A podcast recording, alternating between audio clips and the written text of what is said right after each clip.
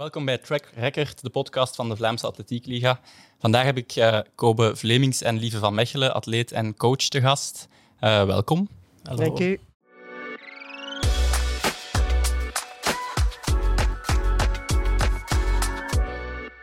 Kobe, ik ga misschien beginnen met nog eens proficiat te zeggen voor jou 1023 in Parijs. Ondertussen alweer... Uh, klein maandje geleden, denk ik. Klein maandje geleden, maar ik heb u nog niet gefeliciteerd. Nee. Um, de snelste Belg in, uh, in 24 jaar, sinds uh, Patrick Stevens in 99. Ja. Dat is toch wel bijzonder, denk ik? Of hoe voelt dat? Goh, voor mij... Va. Het is wel bijzonder als je zo terugkijkt in de tijd, maar voor mij was het zo meer van... Er zit nog meer in de kuip, maar het voelt al goed om terug de statistiek toch te veranderen. Dat maakt het echt wel leuk, ja. Mhm, mhm. Mhm. Want voel je zo'n beetje de... Ja, je bent het wel, denk ik. Dus voel je je de, een beetje de vaandeldrager zo van de Belgische spurt, toch minstens bij de mannen?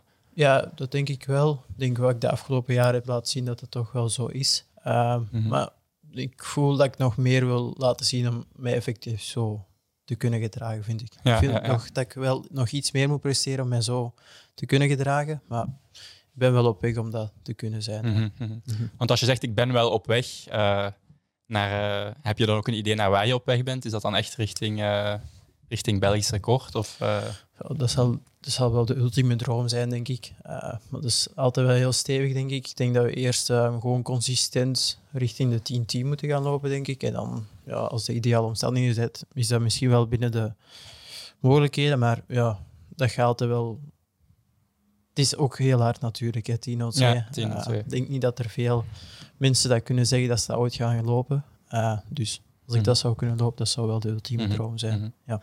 En hoe lang werk je al samen met Lieve? Ehm, ik denk dit jaar, wacht even, we zijn in 2016 in de winter gestart, dus... Al wel 2015. 15 al. 2015. Achtste dus, jaar, ah, denk ik. Dus het achtste jaar nu. Volgend seizoen is het jaar 9, denk ik. Ja, oké. Dat is al even, hè? Ja, uh, sinds uh, eerstejaars junior dan. Ja. Ah ja, oké. Hoe zijn jullie uh, bij elkaar terechtgekomen? Via, via, mijn zus. Ja, via de zus van die werk. Um, Ik zat in de sportschool in Westero. Um, en ik had les van de zus van Nieuwe. Mm -hmm. En ik denk dat we voordat ik bij u beginnen trainen, ben ik ook zo eens één keertje ja, meegaan, omdat de zus dat... daarvan. Ja. ik heb een goede, snelle atleet bij mij in de klas. Ze geeft lichamelijke opvoeding.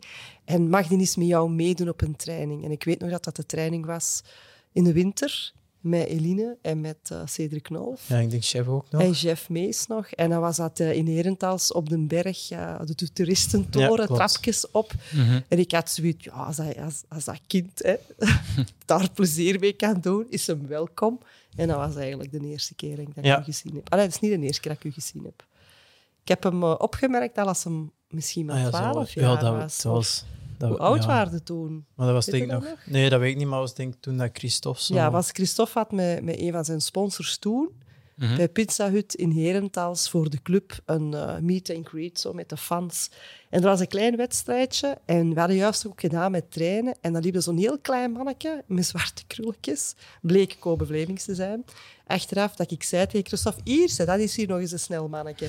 Ja. En dan hij dus met de foto... toch al uh, in het oog gesprongen. Ja, met de foto op Christophe. En die foto hebben we over zoveel jaar ja, ik, ik, heb die, ik heb die nog wel ergens liggen. Ja, dat is heel grappig. Een, een fanfoto met Christophe dan. Okay. Christophe en Christophe, ja, van Winnie Mees. Uh, Christophe Bijens. Christophe Bijens, uh, ja. jouw atleet en partner. Ja, klopt. Uh, nog steeds, ja. Specialist van de 200 meter. En dan, ja, om dan verder in het verhaal op te pikken, heb ik dan op, op, in september of zo zei de zus van Lieve dan van ja, ik ga eens, ik ga eens met Lieve contact opnemen om mhm. misschien toch eens te vragen van om bij, bij Lieve te trainen dan. En dan denk ik dat dan zijn we sowieso in gesprek bij je thuis, denk ik, samen ja, ja. met Lien. Jij met Lien Torf stond voor mijn deur plots. Ah ja, en dan hebben we zo'n gesprek gedaan en dan was ik zo wel een beetje impress van oké, van oké, was dan de limiet voor een EK en een WK en dan gaan we dus opschrijven en wat is Haber en dan, maar op die leeftijd of met die gedachte had ik nooit zoiets van. Ik had nog nooit onder uh, 11 seconden toen gelopen ja, of zo. Dus voor mij was het van. Oké, okay, we gaan dat proberen. met EK uh, dus ik was zo, ja. Um, Oké, okay. en dan zijn we er zo een beetje ingerold en hebben we de eerste training gedaan. En dat was Ik weet niet, dat voelde direct goed. En Mhm. het was Eline, trainde, Eline Werings Ja. en Cedric trainde ook nog bij Lieve toen. Mhm. Ehm, dus Lieve had toen ook En duidelijk Ingmar, gemaakt van... Ingmar Vos ook Ja. nog, de meerkamp. eh, duidelijk gemaakt van, je mocht meedoen. Maar dat aandacht gaat nog niet helemaal aan jullie. Maar eh, Mm. je mocht meedoen en we zullen wel zien. En dan zijn we er zo ingerold. En dan Oké. ja, acht jaar later staan we hier nog Mhm. altijd bij elkaar. Dus Ja. Zo is Want- het een beetje... Ja. Wanneer, ehm, of ja, misschien een vraag voor jullie allebei, wanneer, wanneer heb jij door van deze jongen kan echt wel iets? En, en dezelfde vraag voor jou, wanneer voel jij van ik, ik ben hier echt wel best goed in? Goh ja, eigenlijk vrij snel hoor. Je, je ziet dat, hè. je ziet eigenlijk, ja, zoals ik zeg, als hem toen maar 13 jaar was, of 12, 13, zag ik al dat dat kind daar met een enorme frequentie liep. En ik, ik heb dat ook tegen Koop gezegd, zeg maar, ik weet wie dat jij zei. En ik kon direct dat verhaal van vijf jaar terug, of vier jaar daarvoor, Mhm. naar boven. Je hebt daar gelopen, Pizza Hut, Christophe. En hij zegt, ja, ja, maar ja. pizza hut. Ja, nee, maar ja... oh, Het is geen sponsor, hè. Niet meer. Eh, Ze zijn er goed mee geweest, hoor. Eh, maar ik wil maar zeggen, dus dat, dat, dat was toen... Had ik al gezien van... Amai, dat is echt wel snel dat dat kind beweegt. En die was toen echt niet groot. Hè. was echt Mhm. eh, heel klein komen. Dus toen eigenlijk al. En dan, ja... Vrij snel en vooral omdat je zag dat hij een hele hoge pasfrequentie kon lopen. En ook echt Mhm. wel heel veel aandacht gaf tijdens de training. Echt ook wel de wil om te leren, de Mhm. wil om snel te lopen. Ehm, en ook, hij luisterde, luisterde, precies dat hem dat nu niet meer doet. Misschien een beetje Iets minder. minder, ja. nu, Voilà. dat is meestal als ze ouder worden. Ehm, maar hij luisterde ook heel goed. En eh, dat bracht eigenlijk heel snel op een indoorrecord op 200. Ik weet dat nog, dat je daar eigenlijk in Gent, we waren toch nog maar even met ons bezig, direct al een hele knappe chrono liep. En ja, dat ging gewoon heel snel. Maar ik denk dat een, een, een atleet die, die wilt luisteren, die wilt leren Mhm. en die ambitie ook wel heeft. En ook wel natuurlijk ook het talent en de genen heeft. Ja, dat was gewoon een goede, een goede match. Ik had dat eigenlijk vrij snel door. Maar we hebben ook altijd wel heel direct gezegd... Ik heb altijd gezegd, eens dat ik een Olympische atleet maak ik niet op vier jaar. Mhm. Daar doe ik er vijf, zes, acht over. Ja. En dan kijken de atleten altijd, en ik ben er ook altijd heel eerlijk Mhm. in geweest. En zoals ze nu zei, ik wist dat zelfs niet meer tijdens de eerste gesprekken, dat ik over EK's en WK's begin, maar dat is wel mijn insteek geweest. Anders moet het niet komen, had ik gezegd. Ja, ja, ja. ja, dat klopt. Ja. En wanneer Ja. heb jij dan beginnen voelen van ik ben hier wel goed Ja, in? in de jeugd dan, was zo echt zo starten met atletiek, was Mhm. ik ook echt wel heel snel. Was ik zo, toen zo het, het, het neppe BK Nijvel, denk ik, zo het criterium Ja, van. Nijvel dat ze bij de jeugd hadden noemen. Ik ben bij de pupillen dingen ook echt al effectief. Was ik gewonnen, maar dan. Mhm.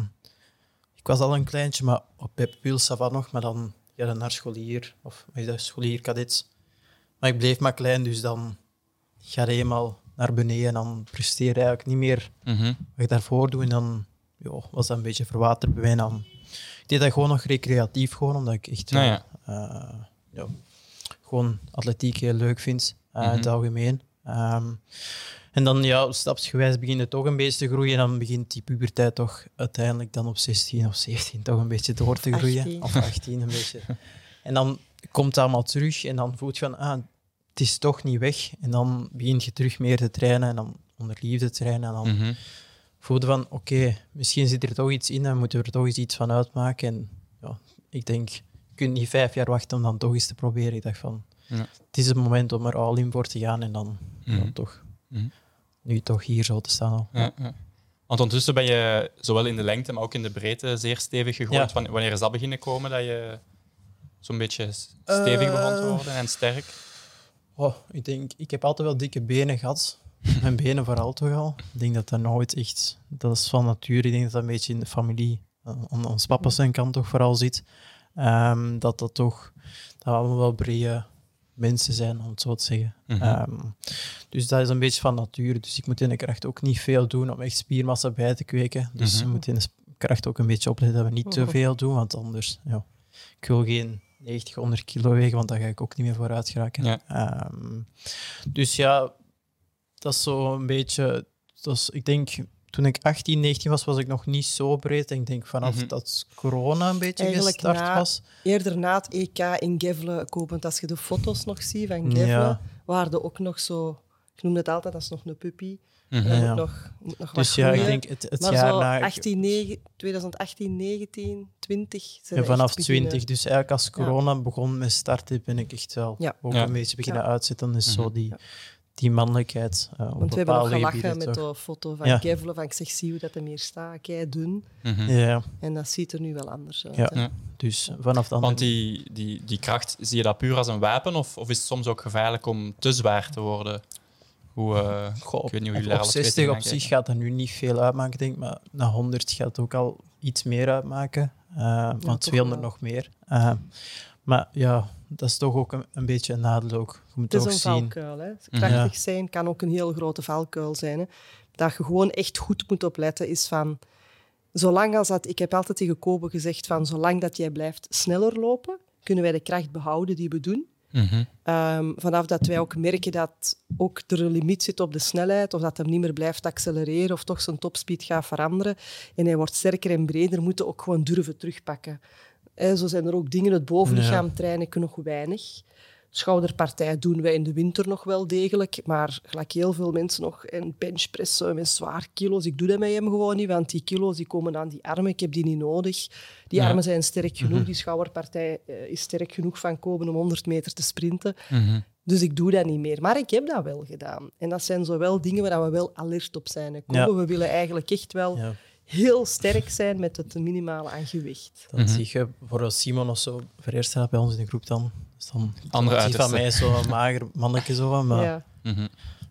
die komt dan moeilijk spiermassa bij, dus het is, het is het een of het ander een beetje. Uh, Mhm. maar ja, het is ook wel een voordeel natuurlijk, Ja. want als ik een, een diepje heb of zo, dan kunnen we zeggen van, we gaan nu nog eens drie weken even vettig in de power gaan. Dan is die kracht ook allee, Ja, direct zo. terug. Ja. Dus Mhm. dat is het voordeel ook wel natuurlijk. Uh, maar Of bij een kwetsuur ja, bijvoorbeeld, hè, als je niet zoveel kan trainen.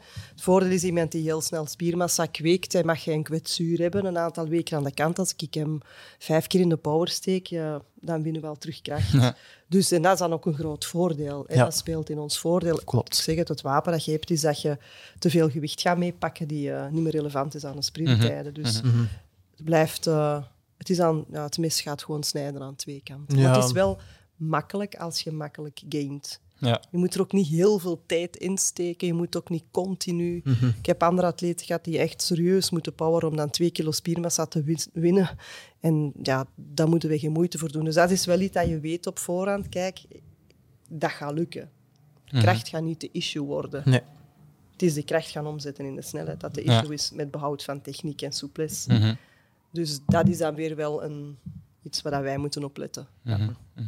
En zorgt die, allee, ik ben helemaal geen eh, kenner van biomechanica of zo, maar zorgt die eh, extreme explosiviteit er misschien ook voor dat je extra gevoelig bent aan kleine Goh, hamstringletseltjes en zo? Of heeft dat daar ik denk bij mij vooral was denk ik dat mijn lichaam niet goed afgesteld was of zo, om het zo te zeggen. En ik denk dat daarom dat we het nu nog altijd vandaag de dag doen, is vooral ehm, we werken ook heel biomechanisch bij mij.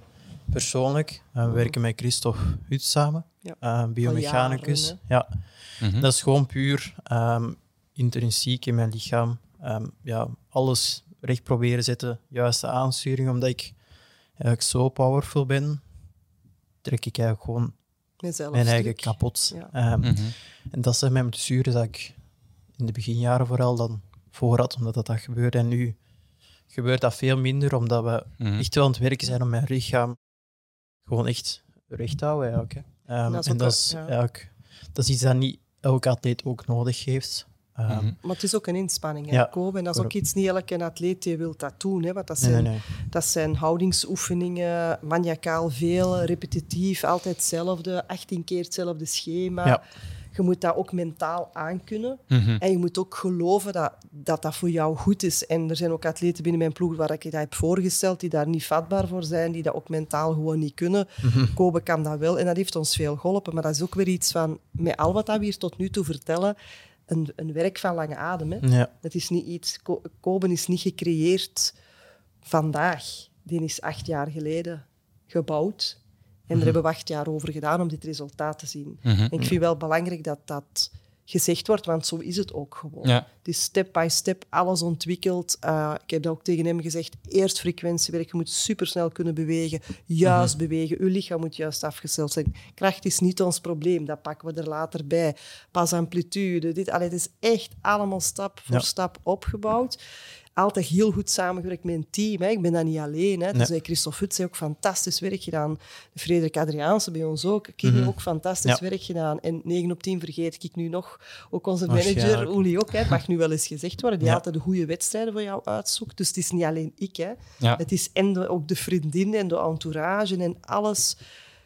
Ja, en dan meer dat ik ook zeg, een, een Olympische atleet of een topper, die maakte niet op twee, drie jaar. Dat, mm doe, je vijf jaar, zes jaar over. En als je dat allemaal stapsgewijs, step by step hebt gedaan, ah, wel kijk, dan zijn we nu daar de vruchten van aan het plukken. Nu mhm. mogen we stilletjes aan de vruchten gaan plukken. Want ik las, ik las daar straks uh, een interview terug dat ik met, met jou, Lieve, eens gehad heb, al een jaar of vijf, zes geleden. En jij zei daarin van uh, een spurter is een beetje zoals een Formule 1-wagen afstellen. Ja, dat klopt. Waarin elk detail moet kloppen. En... Dat is eigenlijk wat ik net vertel. Mhm, ja. Mhm.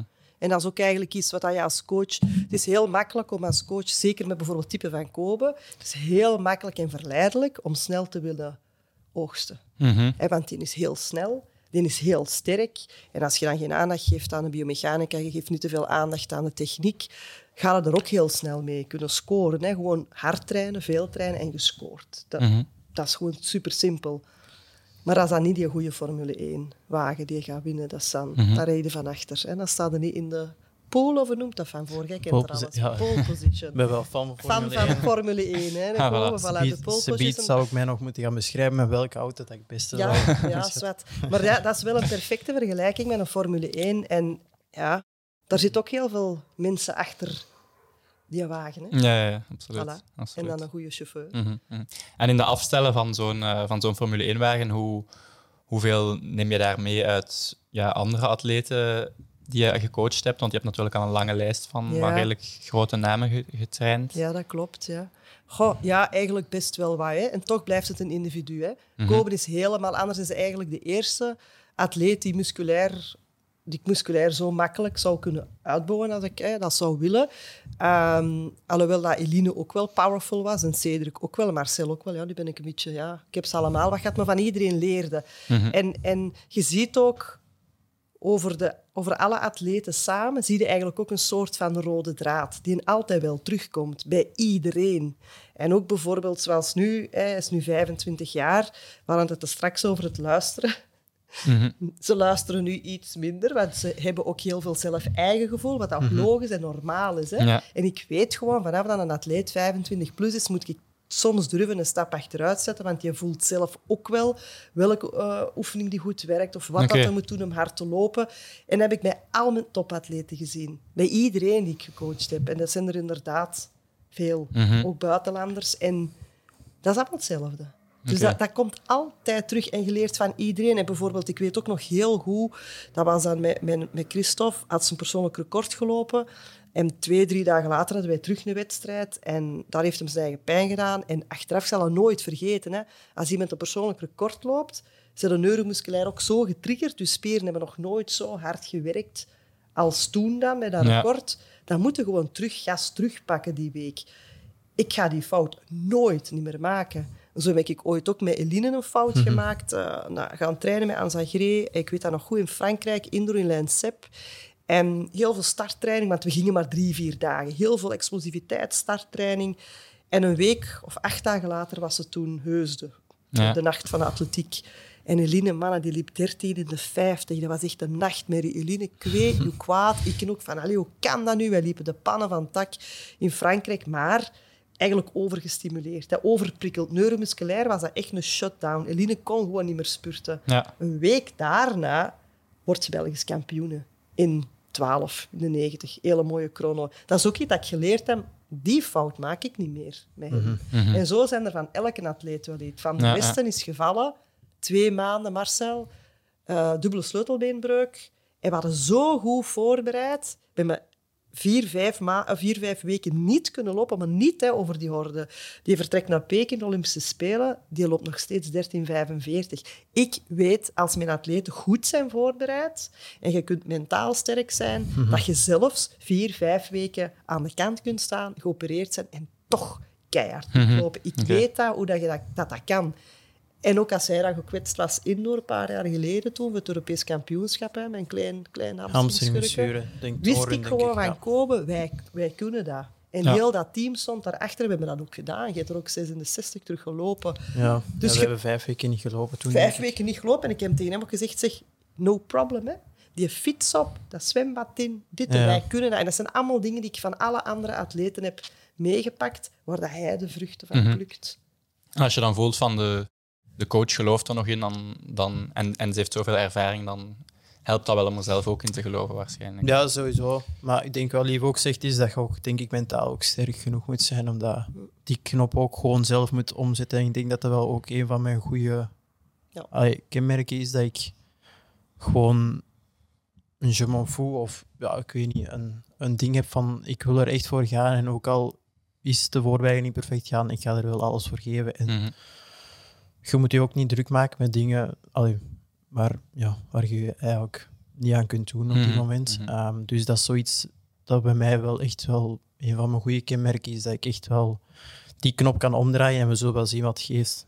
Konden we beter doen? Ja, waarschijnlijk wel. Maar dat zal dan voor de volgende keer zijn, als, als, het, als de mogelijkheid zich voordoet natuurlijk. Want je moet, je moet om zo'n spurtprestatie te leveren met, met heel veel zelfvertrouwen aan de start staan. Um, heeft soms ook een beetje een keerzijde. Allee, er wordt wel eens gezegd dat de spurtwereld soms... Uh, allee, dat er daar wel wat arrogantie in is ook. Ervaar jij dat ook zo? Of denk je dat dat wel overdreven wordt? Goh, ik denk hoe sneller dat loopt, op 100 meter, hoe meer soort van arrogantie dat je wel opmerkt, denk ik. Maar dat is denk ik wel gezonde arrogantie. Ik denk dat je als atleet je een beetje ook wilt profileren van ik ben de man en ik wil winnen van iedereen dat hier rondloopt. Mhm. En je merkt ook al aan iedereen dat iedereen zich een beetje als, als een soort van alfamannetje wilt gedragen mm -hmm. uh, tijdens de opwarming. Ja. Ehm, maar ik trek me daar zelf niet veel van aan. En ik merk dat ook niet aan mijn eigen, maar sommige mensen hoor ik dat ook wel. Dat, ik zo, dat lijkt ook dat ik me zo een beetje anders gedraag tijdens een opwarming van 100 meter. Maar ik denk dat dat een beetje eigen is, gewoon ook aan die sprint. Okay. Uh, maar achteraf, ja, al op je nu 10-0 of 10-40 of, of, of 10-80, achteraf uh, moet je toch gewoon enkel naar je eigen kijken, uh, hoe je prestatie was. En ene keer bent je wel sneller dan je concurrent en de andere keer niet. Um, en ja, ik denk dat dat ook wel gewoon zoiets is um, ja, dat zich voordoet. En ja, ik kan er makkelijk mee omgaan, vind ik mm. zelf. Um, en ik vind het ook wel leuk, want je hebt wel mensen in de kou of zo die echt wel um, rare geluiden maken soms. Uh, of, of één of dat. Dat heb ik ook al meegemaakt, maar ja, ik ben ja, gewoon doe maar. Ik zal dan speed wel gewoon presteren. Um, Maar ja, dat is een beetje eigen aan de sport en dat maakt het ook wel leuk dat er zo wat variatie is, zodat mensen zich oppeppen. Ja. Een beetje. Mm -hmm. ja. Mm -hmm. Want um, ja, je hebt daar ook wel wat in zien passeren dan waarschijnlijk in jouw groep. Ja. Um, hoe, hoe verhoudt Scope zich daarin? Ja, het is vrij cool. Oké. Ja, het is eigenlijk... Uh, ja, hij is inderdaad heel cool. Wat dat Kobe heel goed kan, vind ik persoonlijk, is... Um, hij durft ook te verliezen. Hij heeft nog niet veel verloren, maar hij durft ook gewoon te verliezen. Om dan te zeggen, ja, oké, okay, en dan win ik volgende keer. Dus het is, het is inderdaad, je hebt een soort macho-gedrag, dat hoort er ook bij, maar dat je focus ook moet hebben. Je moet een stukje arrogant kunnen zijn om die explosiviteit ook te gaan vinden in je lichaam. Maar hij is wel, heeft wel een persoonlijkheid van, je mag ook wel verliezen. Kan ook eens een keer slecht lopen. We hebben onlangs ook een slechte wedstrijd gelopen. Ja. En dan wist ik niet goed. Ik dacht, wat ga ik nu zeggen? Was hij in Polen dan? Ja. ja, dat was niet mijn beste Dat was niet, niet zijn beste koers. En ik dacht, what, what's happening? Ik was zoiets van... Mm. En ook in de opwarming ging het eigenlijk allemaal nog wel. Ik zag ook geen, geen tekenen van verzwakking in de opwarming. Dus ik was een beetje flabbergasted van, wat doet hij nu toch? En hij komt aan. En ik zeg, ja, Kobe.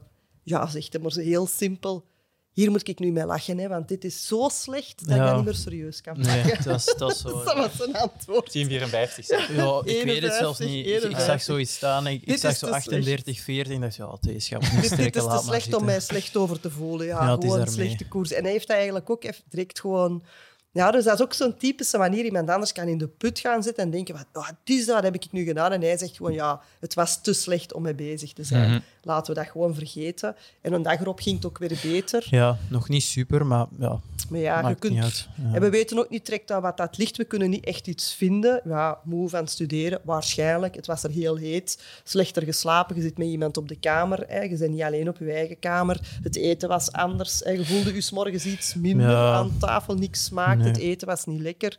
Maar ja, wat bepaalt dat jij dat Ja, nu want loopt of niet? Dat de weten we gewoon niet. goed. Dus Ja, het is daar Ja. We dus ja. weten het gewoon niet. Oké, kan gebeuren. Dus kan gebeuren. En dan, En, dan eh, moet je zo be it en dan gaan we gewoon Ja. worden verder. Dus ja. Oké. oké. Lieven heeft net een beetje uitgelegd hoe dat jij in elkaar zit, maar hoe, hoe is Lieven als trainster? Goeie vraag. Ik denk dat dat de beste persoon is dat je dat moet vragen. Dat ben ik. Nee, totaal niet. Ik ben er heel slecht in, volgens mij. Ja. Maar ehm Lief als persoon, goh, ik denk dat Lief vooral heel gedreven is. En als ze iets doet, dan is met enorm, enorm veel passie. En dat Mhm. zich, ze kan zich heel hard focussen in één ding, dat ze soms ook andere dingen vergeet rondom die dingen. Mhm. dat is zo'n beetje dat ze voor haarzelf een beetje soms ook moet zoeken, denk ik. Dat ze ook andere dingen niet mag vergeten. Ehm, maar ik denk dat ze heel gedreven is in hetgeen dat ze wil doen en dat ze heel gedreven is in ook heel veel verschillende dingen. Dat er Mhm. ook soms te weinig tijd overschiet om alles perfect te doen. En dat is een beetje het moeilijke. Ik denk dat Lieve ook een perfectionist is, een beetje. Mm. Dus, ehm, en dat is ook moeilijk dat ze op heel veel gebieden wil zijn. Mhm. Ehm, en dat maakt Lieve soms ook... een- ja, ik weet het niet, hoe moet ik dat zeggen? Ja, Eh, wat zeg je soms tegen mij? Ga je zegt daar soms iets ja, Lieve is gewoon... Ja, ik, ik, ik ben slecht in gezegd, dus ook. Hè. Ehm, iets, iets zonder kop, maar ik ben verge- vergeten wat er voorkomt. Allee, dat je meestal soms zo eh, alles over kop overal langskomt, want je Ja. weet wel wat je allemaal moet Ja, doen. soms vertel ik dat niet en dan zeggen die mannen, wat zeg je nu? Ik zeg, ja, Ja, dat is toch tuurlijk. logisch? En bij mij is dat dan in mijn hoofd, heb ik al tien stappen gezet, dus ik zeg iets. Ja. En dan denk ik, ja, maar ja, jullie weten toch over wat dat ik het heb. En dan, hebben die zo, dan kijken die zo van, Ja. wat zegt die nu? en voor mij, maar ik zit ik in mijn hoofd al, woe, zit ik al hierachter. Hè? Dus dan ik zeg dan Ja. het laatste stuk en zij moeten dan de context maar raden. Ja. Dat, is, dat, dat is geen, dan zegt dan Ja, is ze soms klopt. zo verward. Maar ik kan mij dat wel... Ik weet dat dat ook zo is. En dat is gewoon, ja, mijn hoofd... eh, ja, ik doe heel veel dingen. Ja. En ik ben met heel veel dingen aan, inderdaad. Mhm. Want is het een strenge coach eigenlijk? Mm, ik denk van niet. Ik denk dat veel mensen denken van wel. Dat denk ik ook. Ehm, maar dat valt eigenlijk wel goed mee. Ik denk, als je je gewoon echt als topatleet gedraagt en Mhm. alles voor gaat, dan niet. Ehm, Want misschien niet streng dan, maar wel veel eisend of zo? Ehm, ik denk dat ze gewoon van, van u als atleet verwacht dat je gewoon met dedication en met passie en voor liefde aan de sport ehm, echt wel gewoon je training afwerkt. En als je niet diezelfde energie geeft zoals zij geeft in de trainingen, in de andersom, dan, dan kan ze wel streng zijn, want dan gaan ze denk ik een beetje met een teleurstellend gevoel zitten van allee, kom, je kunt meer, Ja. je moet er meer uithalen. Maar ik denk als je diezelfde energie een beetje kunt omzetten, Oké. dat dat wel meevalt en dan is liefde niet zo streng. Soms, soms moet je ook streng zijn. Hè. Als, als het eens niet goed gaat of, of, of je zit eens mentaal wat minder of het gaat eens wat minder op training, dan moet je soms eens wat strenger zijn. En, allee, eh, ik denk dat dat ook logisch is, maar over het algemeen denk ik niet zo. Oké. Ik denk dat de meeste atleten in onze groepen liever niet zo streng vinden. Ehm, en dat dat ook wel, hoe, hoe langer dat je traint, hoe minder dat je dat vindt, denk ik ook wel. Ja, ik wou het juist zeggen. Ik denk dat ik in het begin, als ze jong zijn, Ja. wel streng ben. Ah, ja. Dat ze hem wat vergeten. En naarmate dat ze ouder zijn, kunnen de teugels loslaten. Ja. Dat is een bewuste keuze. Mhm. Ze krijgen meer autonomie, ze krijgen meer zeggenschap. Ze hebben, en Dat is waar dat we nu in zitten. Dat is natuurlijk... Maar eh, vroeger, als ze heel jong was, of met al mijn atleten, is het echt wel een beetje shut up and listen. Mhm. En dat verandert naarmate dat ze, dat ze ouder worden. Dat klopt wel. Maar inderdaad, het is wel goed gezegd, als jij mij die energie niet geeft, dan moet hem van mij ook niet krijgen. Ja, ja. Dus dat is wel iets... eh, Mhm. Ik denk dat, dat die passie aan twee kanten moet zitten. Ja. En ik, ik zeg soms wel tegen mijn atleten dat ze soms vergeten, als ze bijvoorbeeld slecht presteren, of we zitten met een teleurstelling, dat ze vaak vergeten, ik zeg dat dan ook soms, ik Ja, vergeten dat ik ook teleurgesteld ben. Mhm. Dat zij alleen het gevoel hebben van, wij zitten nu in een diepje, maar ik zit daar ergens ook voor een stukje in. En je weet wel dat je als coach altijd positief moet zijn. En je moet, maar op die moment, als er iets mislukt, dan, ja, dan ben ik ook even om niet aan te spreken. En dat, dat kan met hem zijn, ook met andere atleten. Ik weet ook nog op een EK, of was een WK, ik denk een EK met Eline, dat ze niet goed starten.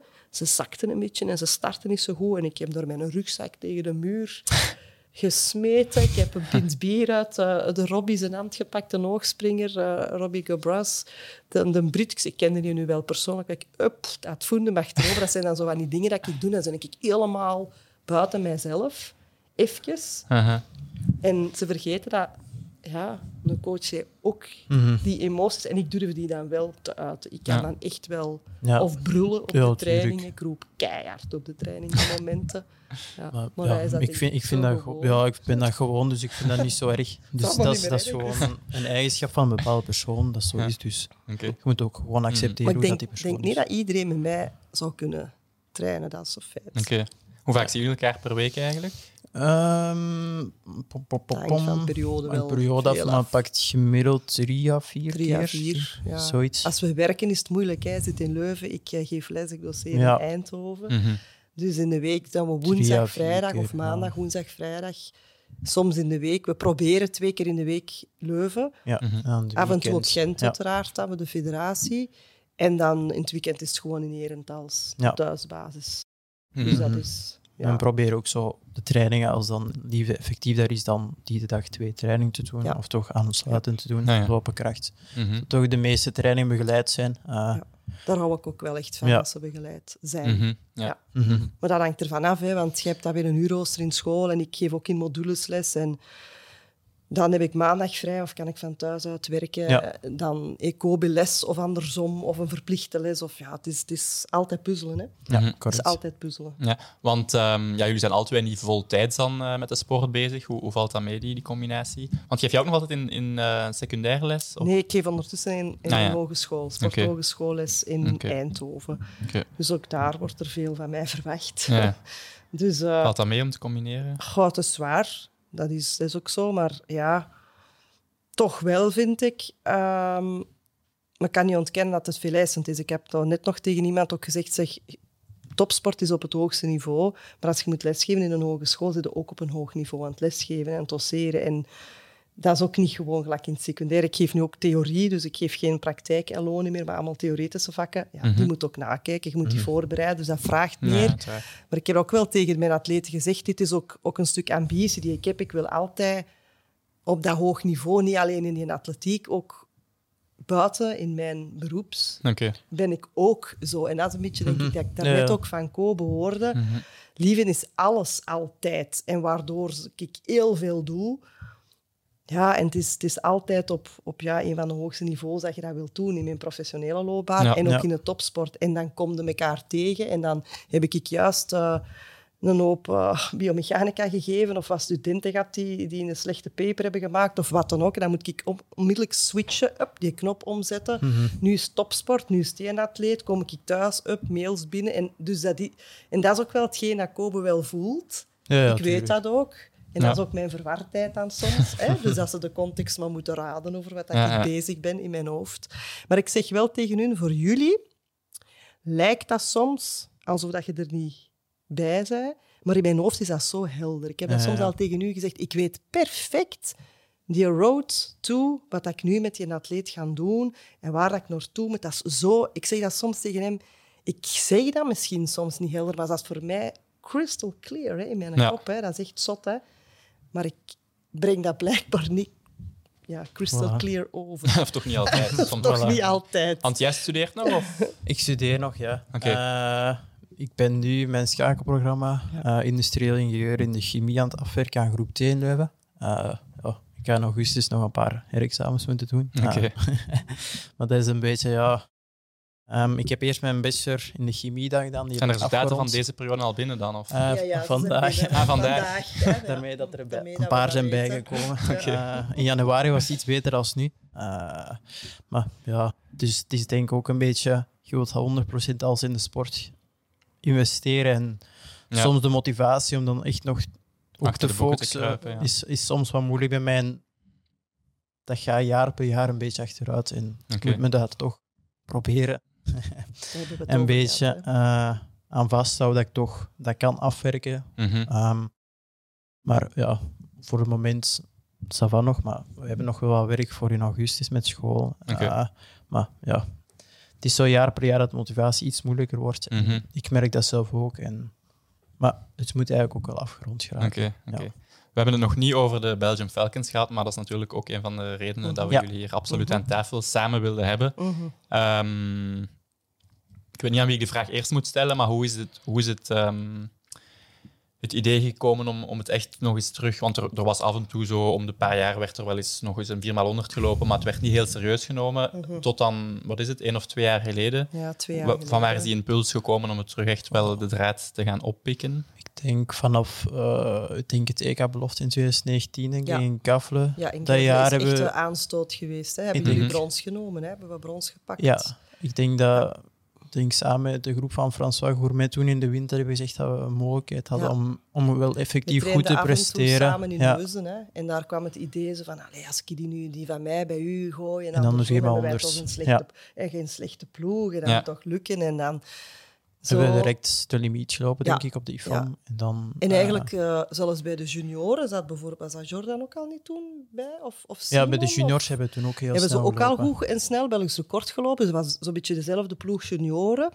Gevel hebben we dan ook met dezelfde ploeg wat getraind. Dan pakken ze brons met een goede tijd. En ja, dan zijn ze al vier jaar verder. Mhm. Ja, ja Dus- dan kwam corona er even tussen, dan was er Ja, even een dan was pauze. even pauze. En dan, Lief heeft dan echt wel effectief aan de pont, Ja. van, misschien moeten we toch eens input geven om ook Ja. de 4x100 terug een kans te geven. En Ja. dan, En we hebben dat dan eigenlijk statistisch gaan berekenen. Kobe heeft dat berekend en ik heb gezegd wat dat dan moest doen. ja, Ik had dan geen tijd. Ik zeg, Kobe, ik wil data. over 10 jaar, 20 jaar, alle data van alle relays en van wie hoe hard loopt en dit en dat.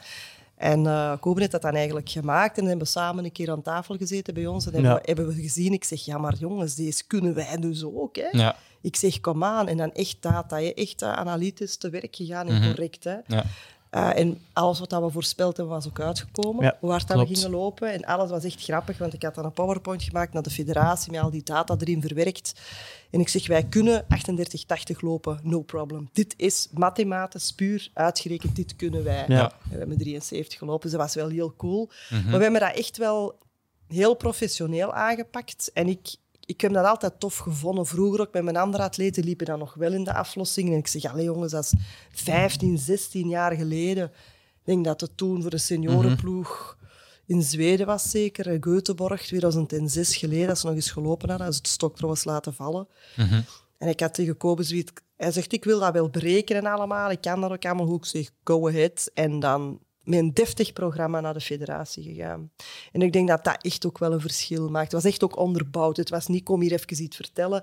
Nee. ik kon data voorleggen. Ik, Ja. ik liet chronos zien. We konden echt wel aantonen aan de federaties van kijk, dit this is for real. hè. Dit lukt Ja. echt als Ja. we ervoor gaan. Mhm. En dan heeft Rutger samen met Jonathan, denk ik, in Belek waren we toen op trainingsstage. Ja, ze hebben groen licht gegeven dat we Ja, aan het project ze- mochten starten. Ja, groen Ehm, licht gegeven. nog zonder ondersteuning dan, Ja. dat we ons moesten bewijzen eerst. En dan En dat hebben gingen we dan vorig gedaan. jaar ja, bewezen dan. Ja, En dan, voilà. Ja.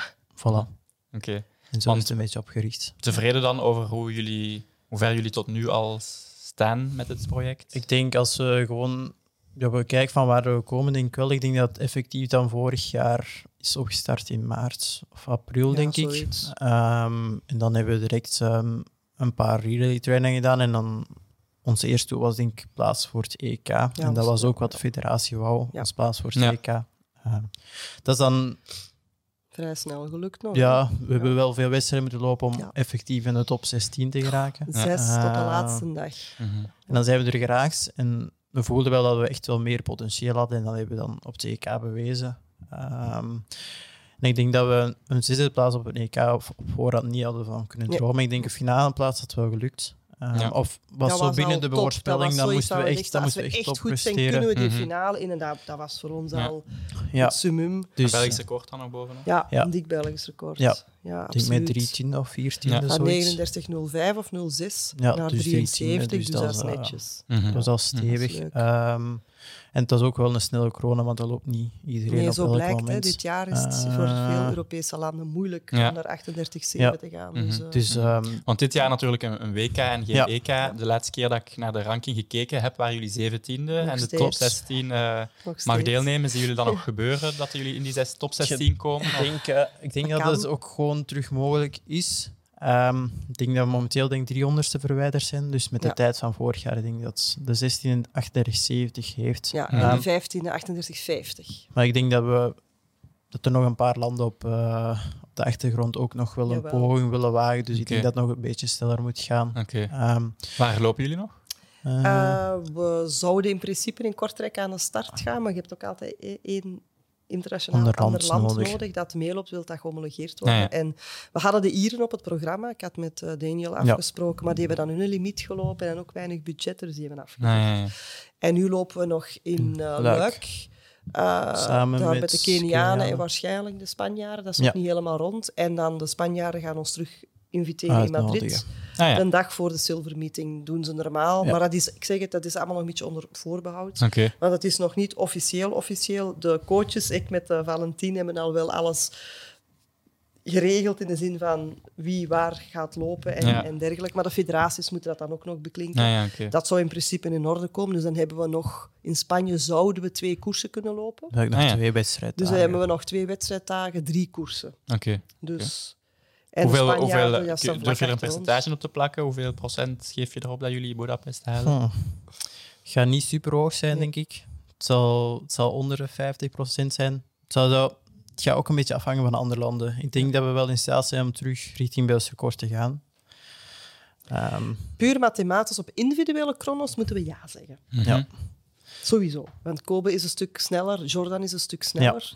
Ehm, dus ehm, er zijn heel wat mensen die echt sneller zijn. Wart is ook, ook nog op niveau. Antoine is ook, ook Ja. sneller als vroeger. Klopt. We hebben allemaal hele goede tijden. Dus puur mathematisch, de jongens die nu aan het lopen geweest zijn, als we die optellen, ja, dan, dan lopen we sneller. Hè, als, Ja. als Ja. 38, 73. Maar het moet natuurlijk wel die stok meepakken. Mhm. En het ding is, ja, we zijn En, ook nog maar een jaar aan het samen trainen. En er zijn nu, vorig jaar was er een team en nu is het allemaal een beetje anders omdat er ook kwesties zijn. En En Robijn verliest, die eraan ja. uitvalt, dus je moet die positie, die starter moet opgevuld worden. Ja. Simon is een goede starter, maar is gekwetst, dus dan moet je terugschuiven. Maar als iemand op drie wegvalt, moet je naar één en moet je door. Ja, ja, ja. Veranderen de Hele relays, puzzel. dus je moet terug beginnen ja, stokken af te geven. Dus, dus, dus waar dat je... en je Ja. wint en verliest ook heel wat tijd met je Ja, verschrikkelijk En dat is veel. iets Ja. dat we ook nu met verschillende data ook aan het analyseren zijn, dat dat echt wel iets cruciaal is. Ja. Ehm, ik ben zelf ook nu een beetje aan het bedenken van hoe dat we dat heel snel of Dat deed je als je een hoop ingenieurs in die ploeg hebt. hè. Dat is niet de enige. Dan gaan Nee. ze mathematisch berekenen tegen welke snelheid dat ze toekomen. De incoming athlete, de outcoming en welke meters ze moeten Ja. hebben. Daar moet de stok afgegeven en hoe hard moeten we dan lopen en hoeveel voeten. Dus wordt allemaal berekend. Dat gaat goed komen. Dat is, dat, is, dat is eigenlijk ook met Formule 1 dat ik er was opgekomen. Ehm, Voilà, daar zijn we weer. Dus ja, het was. ehm, dus als je een Formule 1-wedstrijd krijgt, krijg je af en toe. Hè, dan heb je een, een, een, een, een, een piloot, een andere piloot, ja, chase, dus achtervolgt. En soms krijg je dan van onder in het tv-balkje staan er striking distance, dus over drie, vier laps hè, gaan die elkaar striken. Ja. En dan kan er een overtake komen. Mhm. Dus ik dacht van, eigenlijk is dat nog niet zo... Allee, is dat toch slim gezien om dan te denken van, wanneer is het nu... Je kunt perfect eigenlijk berekenen wanneer dat je elkaar raakt in de aflossingszone. Dus dan moet je echt gaan kijken van, oké, wanneer, op welke plaats in de aflossingszone verlies je het minste tijd, topsnelheidgewijs. En dan moet je gaan berekenen van, oké, als persoon x aantal meters staat, dat Ja, berekent van hoe snel eh, is het dat hij accelereert. Mhm. Dan moet je kijken van oké, hoeveel meter heeft de persoon die eraan komt lopen afgelegd in diezelfde aantal tijd. Ja. Dan met een marge, want je mag niet op hetzelfde aantal meter staan, maar net iets erachter. Mhm. En dan weet je van, je moet daar dan vertrekken als hij daar die mark eh, ja, start. Oké. Dan zo heb ik eens berekend. Ik denk dat we gisteren voor de eerste keer met Antoine getest. Zonder Owen, hè, want Owen komt normaal gezien meten. Hè? Dus maar als een verrassing, voor Owen als een verrassing. Voilà. Uh, dus ik heb me iets nieuws bedacht. En het was even tricky. Ik zei ook tegen Antoine van, ja, echt vol moeten doorgaan tot het einde van de zone. einde van de zone. Hè. Dat is echt de, de, dikste winst die we kunnen pakken. dus we zijn er super mee bezig. Hè. Ja, dus ja. wel. Het is wel impressive als je het zo kunt doen, maar dan moet het, het, is, het, is, het is een risico, maar ja, zonder ik risico denk dat we, zo hard niet lopen. Als België zijnde moet je dat risico kunnen nemen en ook naar volgend jaar toe. Okay. Um, als we iets willen bereiken, als we de speel moeten halen, zijn dat de dingen die we moeten gaan doen. Maar er wordt veel ehm, berekend. Hè. Er dus wordt de, nu gemeten. de cijfers zijn er al en nu het nog, uh, ja, nu het nog waarmaken. En, en ook, alles wordt nu gefilmd van incoming, outcoming speed uh, van de athlete, incoming, outcoming, de, de snelheid dat de stokje, alles. Dus Owen meet ook alles. We krijgen alles terug. Dus het is echt heel veel data gewijs. Ik vind het ook gewoon super belangrijk, want dat is heel dat is correct. Hè, dat is correct in principe. En zo zijn we vorig jaar heeft ons dat uh, best wat opgeleverd. Dus nu gaan we een stap verder. Einde van een zone, nog berekeningen maken. Ja, wij moeten gewoon, ik zeg altijd tegen de atleten, um, we moeten gewoon een slimmer plan hebben dan alle anderen. Mm -hmm. ja. En daar zijn we dus mee bezig. Ja, ja. Okay. Ons, ja, we moeten ook accepteren dat we intrinsiek niet de snelste atleet hebben in België. Um, ten opzichte van de andere landen, uh, zoals Amerika, Jamaica, uh, Afrikaanse landen, Canada. Um, dus we moeten gewoon slimmer zijn. Inzetten waar we ons kunnen inzetten. En uh, als we intrinsiek dan ook nog sneller kunnen worden, uh, ja, des te beter. En dan kunnen we mooie dingen bereiken, normaal mm, gezien. Mm, Ja. Volgende week is er ook een EK-belofte, ook met een Belgische 4x100. Ja. Wat denk je dat die uh, gaan kunnen? Ah, wel ja, de, ik denk dat ze, dat ze ook in de finale waardig kunnen zijn. Um, de ploeg is net iets anders dan de ploeg van Gevlo vier jaar geleden. Hoe lang is het mhm. nu geleden? Of langer? Um, in die zin dat ze minder samengetraind hebben. Die ploeg was al in de junioren bij elkaar, belofte bij elkaar. Dus die hadden zo'n beetje geschiedenis al een beetje met elkaar. Wat dat het makkelijker maakt voor de wissels. Ook voor de positie, de opstelling was vrij duidelijk van in het begin voor die andere ploeg. Dat is nu nog niet zo het geval. Mhm. Dus en dat maakt het ook uh, moeilijk. Er zijn er dan op het einde ook nog twee bijgekomen die ook snel begonnen te lopen. Uh, hebben geen positie, hebben geen wissels gedaan. Dus ja, zij gaan zeker finale waardig zijn. Maar ik denk dat ze echt... Uh, het opstellen van de ploeg is heel veel denkwerk al aan te pas gegaan samen met, met Piet. Uh, want Piet Coley gaat ze daar be begeleiden. Ja, ja, ik ga thuis bij hem dat ik de Falcons hier uh, naar 38,50 gaan loodsen. Voilà. dus we, we, hebben de, de job uiteraard gesplitst. Ik geloof er zeker in dat ze finale waardig zijn. Ja, maar het gaat wel... Ik denk dat ze het ook zelf moeten geloven. Ze moeten er zelf ook in geloven. Want intrinsiek waren zij op papier ook net iets sneller als je de individuele chronos optelt. En ik denk dat deze jongens nog een beetje... Um, wisselvalliger, zijn. in hun prestatie. En Rendel heeft fantastisch gelopen, 1040 van een 19-jarige, chapeau. Maar hij doet dat niet elke week. Nee, nee, nee. nee en, en zo zie je uh, dat er toch een aantal atleten zijn die ups en downs hebben. En dat was in die ploeg vroeger iets minder, wat dat makkelijker maakt om de wissels te trainen. Okay. Dus daar zitten wij dan nog een klein we hebben, afge, we hebben afgesproken met Emiel Botterman mm dat we hem eens okay. uh, mogen bellen, Leuk. omdat hij deel uitmaakt van die, van die ploeg die volgende week uh, naar Finland gaat. Uh, dus we gaan even de koptelefoons opzetten. Ah, ja, prima. Hallo met Emiel Botterman. Dag Emiel, het is hier met uh, Milan Augustijns van Track Record, de podcast uh, van de Val. Ja. Dag Emiel. Kobe, Kobe is hier ook. Kobe en uh, Lieve van Mechelen zitten hier naast mij. Hallo. Hey. Lieven heeft, hey, Emiel Lieven heeft net gezegd dat jullie met de Falcons op het EK Belofte um, op zich wel het potentieel hebben om de finale te halen. Ben jij, ben jij het daarmee eens? Als Lieven dat zegt, ben ik daar ook mee eens, ja. voilà. Ja, ik denk, Je ziet als ze ik denk wel dat dat moet lukken, ja. Nee. Oké. Okay. Ja, we zijn goed voorbereid. En we lopen allemaal wel deftige tijden, dus dat gaat wel lukken. Ja, ja. Um, want Lieve zei ook wel dat jullie in, in vergelijking met bijvoorbeeld de ploeg uh, die een medaille gewonnen heeft uh, in 2019, dat jullie misschien uh, nog iets, uh, ja, dat de wissels misschien iets minder op elkaar afgestemd zijn dan, dan destijds. Um, denk je dat dat een beetje het, uh, het vraagteken wordt? Um, ja, dat zullen we zien. Ik, het, het, het zal waarschijnlijk wel nog, uh, nog niet zo goed zijn als toen. Mm -hmm. Maar we hebben nog enkele trainingen, ook in België, en dan daar ter plekke. Oké, oké. Okay, dus en, je hebt er wel vertrouwen we kunnen daar nog wel, en we kunnen nog fine-tunen. Voilà. En die lucky shot kan, shot kan er ook nog altijd zijn. Hè. Ja. ja. En um, is, het al, is het al duidelijk wat jouw rol zal worden in die ploeg, of, of gaat dat pas op het moment zelf beslist worden? Um, dat weet ik nog niet. Ik, ik, uh, ik, uh, ik, ik, vermoed dat ik als tweede zal lopen. Oké. Okay. Um, dus ja, dat heb ik altijd geoefend. Oké, okay, oké. Ook, in, uh, ook al op alle wedstrijden als tweede gelopen. Dus ik, als, als, ik, uh, als ik loop, is het op de tweede plaats. Oké. Klopt, Alieve, wat hij zegt? Ja, dat klopt, ja. Ik wou zeggen, ja, als je altijd op positie 2 wordt gezet, non-stop, dan denk ik dat het ook wel verstandig genoeg is om te beseffen dat het voor positie 2 is. Hè. Ja, ja, ja. Dus uh, ja, dat klopt wel. Ja. Oké. Denk je, denk je Emiel, um, wat, wat, gaat er nodig zijn of, of wat zal de sleutel zijn tot het bereiken van die EK-finale daar in Finland? Dat we rustig blijven. Mm -hmm. Dat we ons niet moeten uh, opfokken. Dat dat... Uh, ja, gewoon rustig blijven in ons hoofd en ons concentreren. -huh. ja. Op het juiste moment ver, ver, vertrekken, ja. het juiste moment afgeven -huh. en, uh, en alles geven wat we hebben.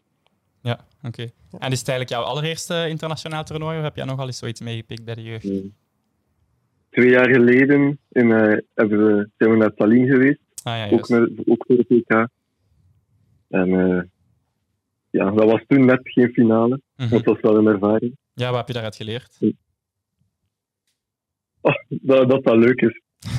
dat, uh, dat, dat wedstrijden doen leuk is. En uh, ja, dat, de, de groepsfeer was toen echt, echt leuk. Mm -hmm. En dat, dat, gaf, dat gaf wel een, een enorme boost. Ja. En ja, nu, nu, nu, nu zit het al... Ja. Ik heb nu, nu het gevoel dat dat opnieuw zo gaat zijn. de sfeer zit nu beter dan toen, in de aflossingsgroep zelf. Oké. Okay. Dat is goed om te horen. Ja, dat is ook wel zo. De, de groepsfeer, maar ik denk dat dat ook wel een beetje Falcons is, die daarin een supergoed voorbeeld geven. Hè. Ook Emiel, je ziet dat ook aan, aan ja. de oudere Falcons, dat dat is echt een, een echt een goede team. Mm -hmm. Dus er wordt goed gelachen, er ja. wordt goed getraind, er wordt goed gelachen. Dus ze geven dat ook door naar de U23, dus dat is een fijne binde, ja. Nou, je moet je focussen, maar je moet ook een beetje speels blijven. Ik weet niet wat Emiel nu heeft gezegd, maar... ja, het was even door elkaar gepraat. Ja, dat, dat iedereen ook wel voor elkaar open staat. Ja. Okay. En elkaar respecteert. En, ja. Mm -hmm. Mm. Emiel, ik neem aan dat het een ambitie, of, of toch op zijn minst een droom is van jou om wel uh, uiteindelijk tot die A-ploeg te gaan behoren van de, van de Falcons. De grote bedoel ik dan, niet de belofte. Uh, ja. Op welke termijn hoop je daarop? Zo snel mogelijk. Oké, okay, dat is Dat is een goede antwoord. en... Uh, ja. ja, zeg maar. Nee, ik ging aan uh, de bondscoach vragen wanneer zij dat ziet. Uh, Zo snel gebeuren. mogelijk. Oké. Okay. Dus ja, nee, ik denk dat, dat Emiel zekere capaciteiten heeft. Hè. heeft okay. We meten ook heel veel. Hè. We doen dus heel veel fast testen. We zien ook uh, dat Emiel een fantastische pasamplitude heeft, een zeer grote pas heeft. Dat hij ook een heel hoge topspeed heeft. En dat is super interessant in estafette. Okay. We hebben een goede starter ook nodig, hè. maar mm -hmm. dat is maar één die start. En die andere drie moeten een hoge topspeed hebben. En dat is een van de kwaliteiten die Emiel heeft, dus dat speelt sowieso in zijn voordeel. Mm -hmm. Ja. Ik denk dat we wel ook nog bepaalde selectiecriteria ook wel hebben, ja. die er wel moeten voldoen voordat je... Absoluut. Um, ah, ja. En wat zijn die? Die zijn pittig. Okay. Mogen we die weten? Of, uh... Ja, zeker. Die zijn bekend. 10,40 moeten okay. ze lopen. Of, of sneller. Uh. Of een gemiddelde van drie wedstrijden van 10,50. Ah ja, okay. En dan staat er ook wel bij, als ik zo geen 6, 7, 8 atleten vind, dan ga ik eigenlijk gewoon de volgende in de, de lijst die het dichtst ja, bij de criteria correct. komt, ja, gewoon Okay. Dus, uh, maar ik, heb, ik, ben zeker niet blind voor beloften en jonge mensen, want uiteindelijk, je moet ook uh, van onderaan moet dat gestuurd worden. Ja. -hmm. Dus ik denk ook voor de echte Falcons zoals ze nu beschreven zijn, ga ik in september al een selectie maken voor de Spelen, voor het EK, voor de World Relays, omdat ik ook heel intensief wil trainen van in het begin. Ja. Maar we gaan daar zeker ook de jonge gasten bij, bij betrekken. En dus Emiel, je weet dat, hè? hoe sneller, hoe liever. ja. Dat is makkelijk. Voilà. Emiel, ik heb, uh, ik heb misschien nog één vraagje voor jou, voor ik jou laat gaan. Um, het feit dat die, dat die Belgian Falcons er nu zijn en dat dat project heel serieus genomen wordt en, en wetenschappelijk wordt aangepakt, hoe, hoe, hoe, hoeveel motiveert dat jou en de andere spurters om, om ook voor hun sport te gaan? Want je hebt natuurlijk veel meer, veel meer kans om, om met die aflossingsploeg is op bijvoorbeeld Olympische Spelen te geraken dan, uh, dan individueel. Ja, dat, dat motiveert enorm. Mm -hmm. Dus uh, ja, ja dat, dat, dat toont. Uh, je kunt jezelf bewijzen op die manier. En ja, ja, ja, ik weet niet wat ik moet zeggen. Het motiveert. Oké, dat is ja. ja. en, uh, ja, ja, ik, ik, probeer, ik probeer er wel bij te zijn en ik ga, ik ga er alles voor doen. En, mm -hmm. Mm -hmm. ja. Ik denk dat ook aan veel. Het, het, het, is een droom. Het is een droom ook. Hè. Ja, dus je, daar, denk, daar doe je alles ja. Ik denk okay. als atleet zijnde of, of als Belg zijn dat ook um, een grotere mogelijkheid geeft om op een, op een groot kampioenschap te staan, zeker in de sprints. Ja. Uh, ik denk dat uh, ook gewoon als Belg, uh, ja, we zijn niet het grootste sprintland in de wereld. En ik denk dat dat ook aandoet dat we effectief in, in die relay investeren. Dat ook voor de jeugd, jeugd echt een boost mm -hmm. geeft. Ja, ja, voor de sprint ook echt een boost geeft. Dat er iets is, een project is dat de, de kans groter maakt dat je je droom kunt waarmaken en Mhm. naar die grote kampioenschap kunt gaan, naar die spelen kunt gaan. En als dat er is, kan dat, ja, er gaat sowieso dan meer sprintgeweld zijn. En daar gaat dan wel sowieso wel mensen uit kunnen komen die dan individueel hun droom ook kunnen waarmaken. Maar ik denk Ja. dat die basis ook wel de relay kan zijn, omdat je dan echt wel ehm, die kans groter is. En ja, elkaar naar een hoger niveau stuurt. Ik ga, Ja. ik ga Emiel bedanken ehm, voor de tijd en heel veel succes wensen in, eh, in Finland volgende week. Dank u wel. Wanneer stap je op Dus, het eh, vliegtuig? Het is ook graag gedaan. Wanneer stap je op het vliegtuig? Eh, normaal gezien dinsdag rond 6 uur. Oké, oké. Heel veel succes, hè? Dag. Ja. Dank u wel. Salut. Dag. Daar terug op inpikken bij het feit van, ja, dat, het dat je elkaar naar een hoger niveau stuurt. Dat effect hebben we bij de tornado's eh, jaren Ja. geleden al gezien. En, en begint nu op die 100 meter ook een beetje. Ja, absoluut. Dat door zie ik daar. We houden dat zelfs bij. Hè. We hebben Mhm. dat ook statistisch bijgehouden vanaf dat dat opgestart is. En dan zie je de grafiek echt serieus naar beneden gaan. Dus een Ja. top 6, top 8 van de beste sprinters in België. Mhm. Wij hebben tienden aan het winnen. Dat is echt Ja. zot. Vanaf dat dat Ja. begonnen is, gaat dat pijlsnel naar beneden. Mhm. En nu worden er tijden van 10-20, 10-30, 10-30, eh 10-40, eh Rendel, 10-40, Siemen. Dat zijn dingen die we over vier jaar geleden ja, kon je een BK winnen met 10,50. Hè? Ja, dat is nu niet meer aan de Mhm. orde. Hè? Dus dat is pijlsnel naar beneden gegaan. Want ik zag vorig jaar 10 Belgen onder de 1060. Dat is nog nooit Alsjeblieft. gebeurd. Ik denk, eh, Voilà, dat wil dat ik er ook, denk ik, Ja. 1060 op het BK moest gelopen worden om in de Om in de finale, finale te Ah, ja, zitten. voilà. En dan Dus, ja. vijf jaar terug of zes jaar terug. Stond je daarmee op podium? Ja. Of Ja. was je Belgisch kampioen. Dus ja, ja, ja. het gaf wel... Dus ja, het geeft een boost. Hè? Het is wat Emiel zegt. Mhm. hè? En dat zie je gewoon ook in de chronos. Ja. Dus ja, Ik denk dat het ook wel iets moois is om aan te werken. Dus dat geeft echt wel die droom om die kampioenschappen te halen en echt wel effe- effectief iets van je sportcarrière te Mhm. maken. Eh, om de- ja, dat geeft wel die, die boost, ja. Mhm. Ja, want bij de, bij de tornado's zie je ook dat het, dat het effect in de loop der jaren alleen maar sterker is geworden. Mhm. Want ja, de, ik zeg maar iets, de, de scholieren die jullie nu ook al aan het inspireren zijn, dat merken we nu misschien nog niet dat die, dat die aan het komen zijn. Maar binnen, binnen drie jaar gaan we misschien kunnen zeggen van, dat er nog ja meer... eh, junioren zijn ook heel hard aan het atleten. komen. hè. Als het over Ja. de korte sprint gaat, dan junioren zijn ook heel snel. Ik zou Mhm. zeggen, Dus, eh, hopelijk. Dus, eh, Ja, hoe, hoe meer ja, hoe meer, hoe liever. Ja, voilà. Ja. Ja. Dus, eh, Want ehm, hoe, ehm, ja, hoeveel, misschien hoeveel, ik ging zeggen hoeveel Kobus heb je nodig, maar dat is misschien wel heel ambitieus uitgedrukt. Maar hoe, hoe snelle atleten heb je nodig om echt, ik zeg maar iets, is een, een, eh, ja, een EK-medaille te pakken of een, een top 5 of een top 8 op Dan een WK te wel lopen? 4, eh 10, 30 en sneller. Ja, nou, ik denk dat ik het wel eens berekend heb. Ik denk dat je gemiddeld gezien, denk ik, een 38-20 team moet moet lopen om, om een, een EK-medaille te hebben. Mhm. Ehm, dus dan moet ze toch gemiddeld naar een, En- een, een, een- onder de 10, 30 En dat zitten. wil ook zeggen dat dat altijd bijna moet kunnen. Hè. Ja. Die is one lucky shot. Hè. Mhm. Dan zijn consistent dat zijn. consistent gewoon rond die 10, 30 draaien of sneller en dan staat op Ja. het podium sowieso. En ehm, ja, volgend jaar zijn natuurlijk die Olympische Spelen. Mhm. Ehm, ik neem aan dat dat toch wel een eerste echt groot doel is van Zeker. dit project. Zeker. Ehm, Ja. In de eerste plaats kwalificatie dan gewoon. Ja, dat wordt sowieso heel tricky. Hè. Het is heel mhm. de wereld die meedoet. Is dat hetzelfde systeem als voor Budapest? Gewoon die, World, uh... nee, World Relays. World Relays. Ah, ja. Daar moeten bij de top 16... Nee, top, van uh, buiten? Ik weet niet van buiten, maar jij gaat zeker van buiten weten. Oké, dus voilà. vanaf dit of volgend jaar gaan ze een nieuw systeem uh, doen bij de World Relays. Dus um, van de 16 plaatsen die er zijn mm -hmm. voor een estafette-team voor het uh, Olympisch Spelen, gaan de top 14 okay. op de World dus eigenlijk bijna alles gebeurt. Uh, twee op, terug in de Bahamas of waar gaat het ja. Bahamas, ja. Okay. twee op basis van tijd. Dus daar moeten we eigenlijk niet op rekenen, want dat gaat Amerika of een Jamaica zijn of ja. een Canada. Als die iets mis hebben in de World Relays, staan die toch ja. Dus het is alles op die uh, World, World Relays. En ik denk dat er 32 landen mogen meedoen. Dus dat gaat dus, geen probleem zijn. We gaan daar zeker nee. bij zijn. We gaan zeker mogen gaan vier meedoen. reeksen zijn. Ja. En dan de beste twee van elke reeks gaan naar de grote finale. Ja. En die grote finale, die acht zijn sowieso geplaatst. Ja. En dan, en dan blijven de alle finale. resterende landen met, ik denk, drie reeksen dan. Want er mm. gaan er 24 overblijven. En dan de beste twee terug van die drie reeksen mogen ook een ticket naar uh, Parijs. De, Parijs de maar ik denk ook dat dat onze grootste kans is. Hè. Dus ja. daar ook, je gaat ook landen die intrinsiek sneller zijn dan wij, gaan ook hard moeten lopen. Mm -hmm. Gaan ook misschien ja. wel risico's moeten pakken en in de fout gaan. En, en op die manier op de World Relays gaat onze kans het grootste zijn. Okay, okay. Dus Want als aan het begin van het seizoen, dan, dan moet je wel zorgen dat je mei. klaar bent. Natuurlijk, 4 mei, 4 mei, 3 en 4 mei, of 4 en 5 mei wordt er gelopen, ja. want dat heb ik wel gecheckt.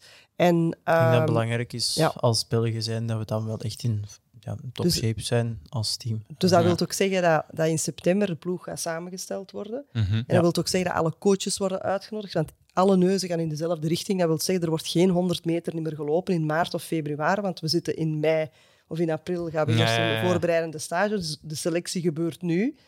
Dus dat wil ook effectief zeggen dat ook de coaches van al die atleten moeten zorgen dat hun atleet piekt begin mei. Mm -hmm. Strange, maar dit is wat wij nodig hebben op de World Relays. Dus ja. uh, dat gaat ook de absolute eis zijn om dat te gaan doen. Mm -hmm, mm -hmm. Want voor Budapest zeggen jullie van ja, het is, het is mooi als het komt, maar het moet niet. Maar Parijs ja. is toch wel. Parijs is toch echt wel ja, bij daar willen we echt wel alles op, alles Ik denk, proberen. Ja, de bij kans te is groter punt. om in Parijs te geraken dan momenteel denken we in Budapest te geraken.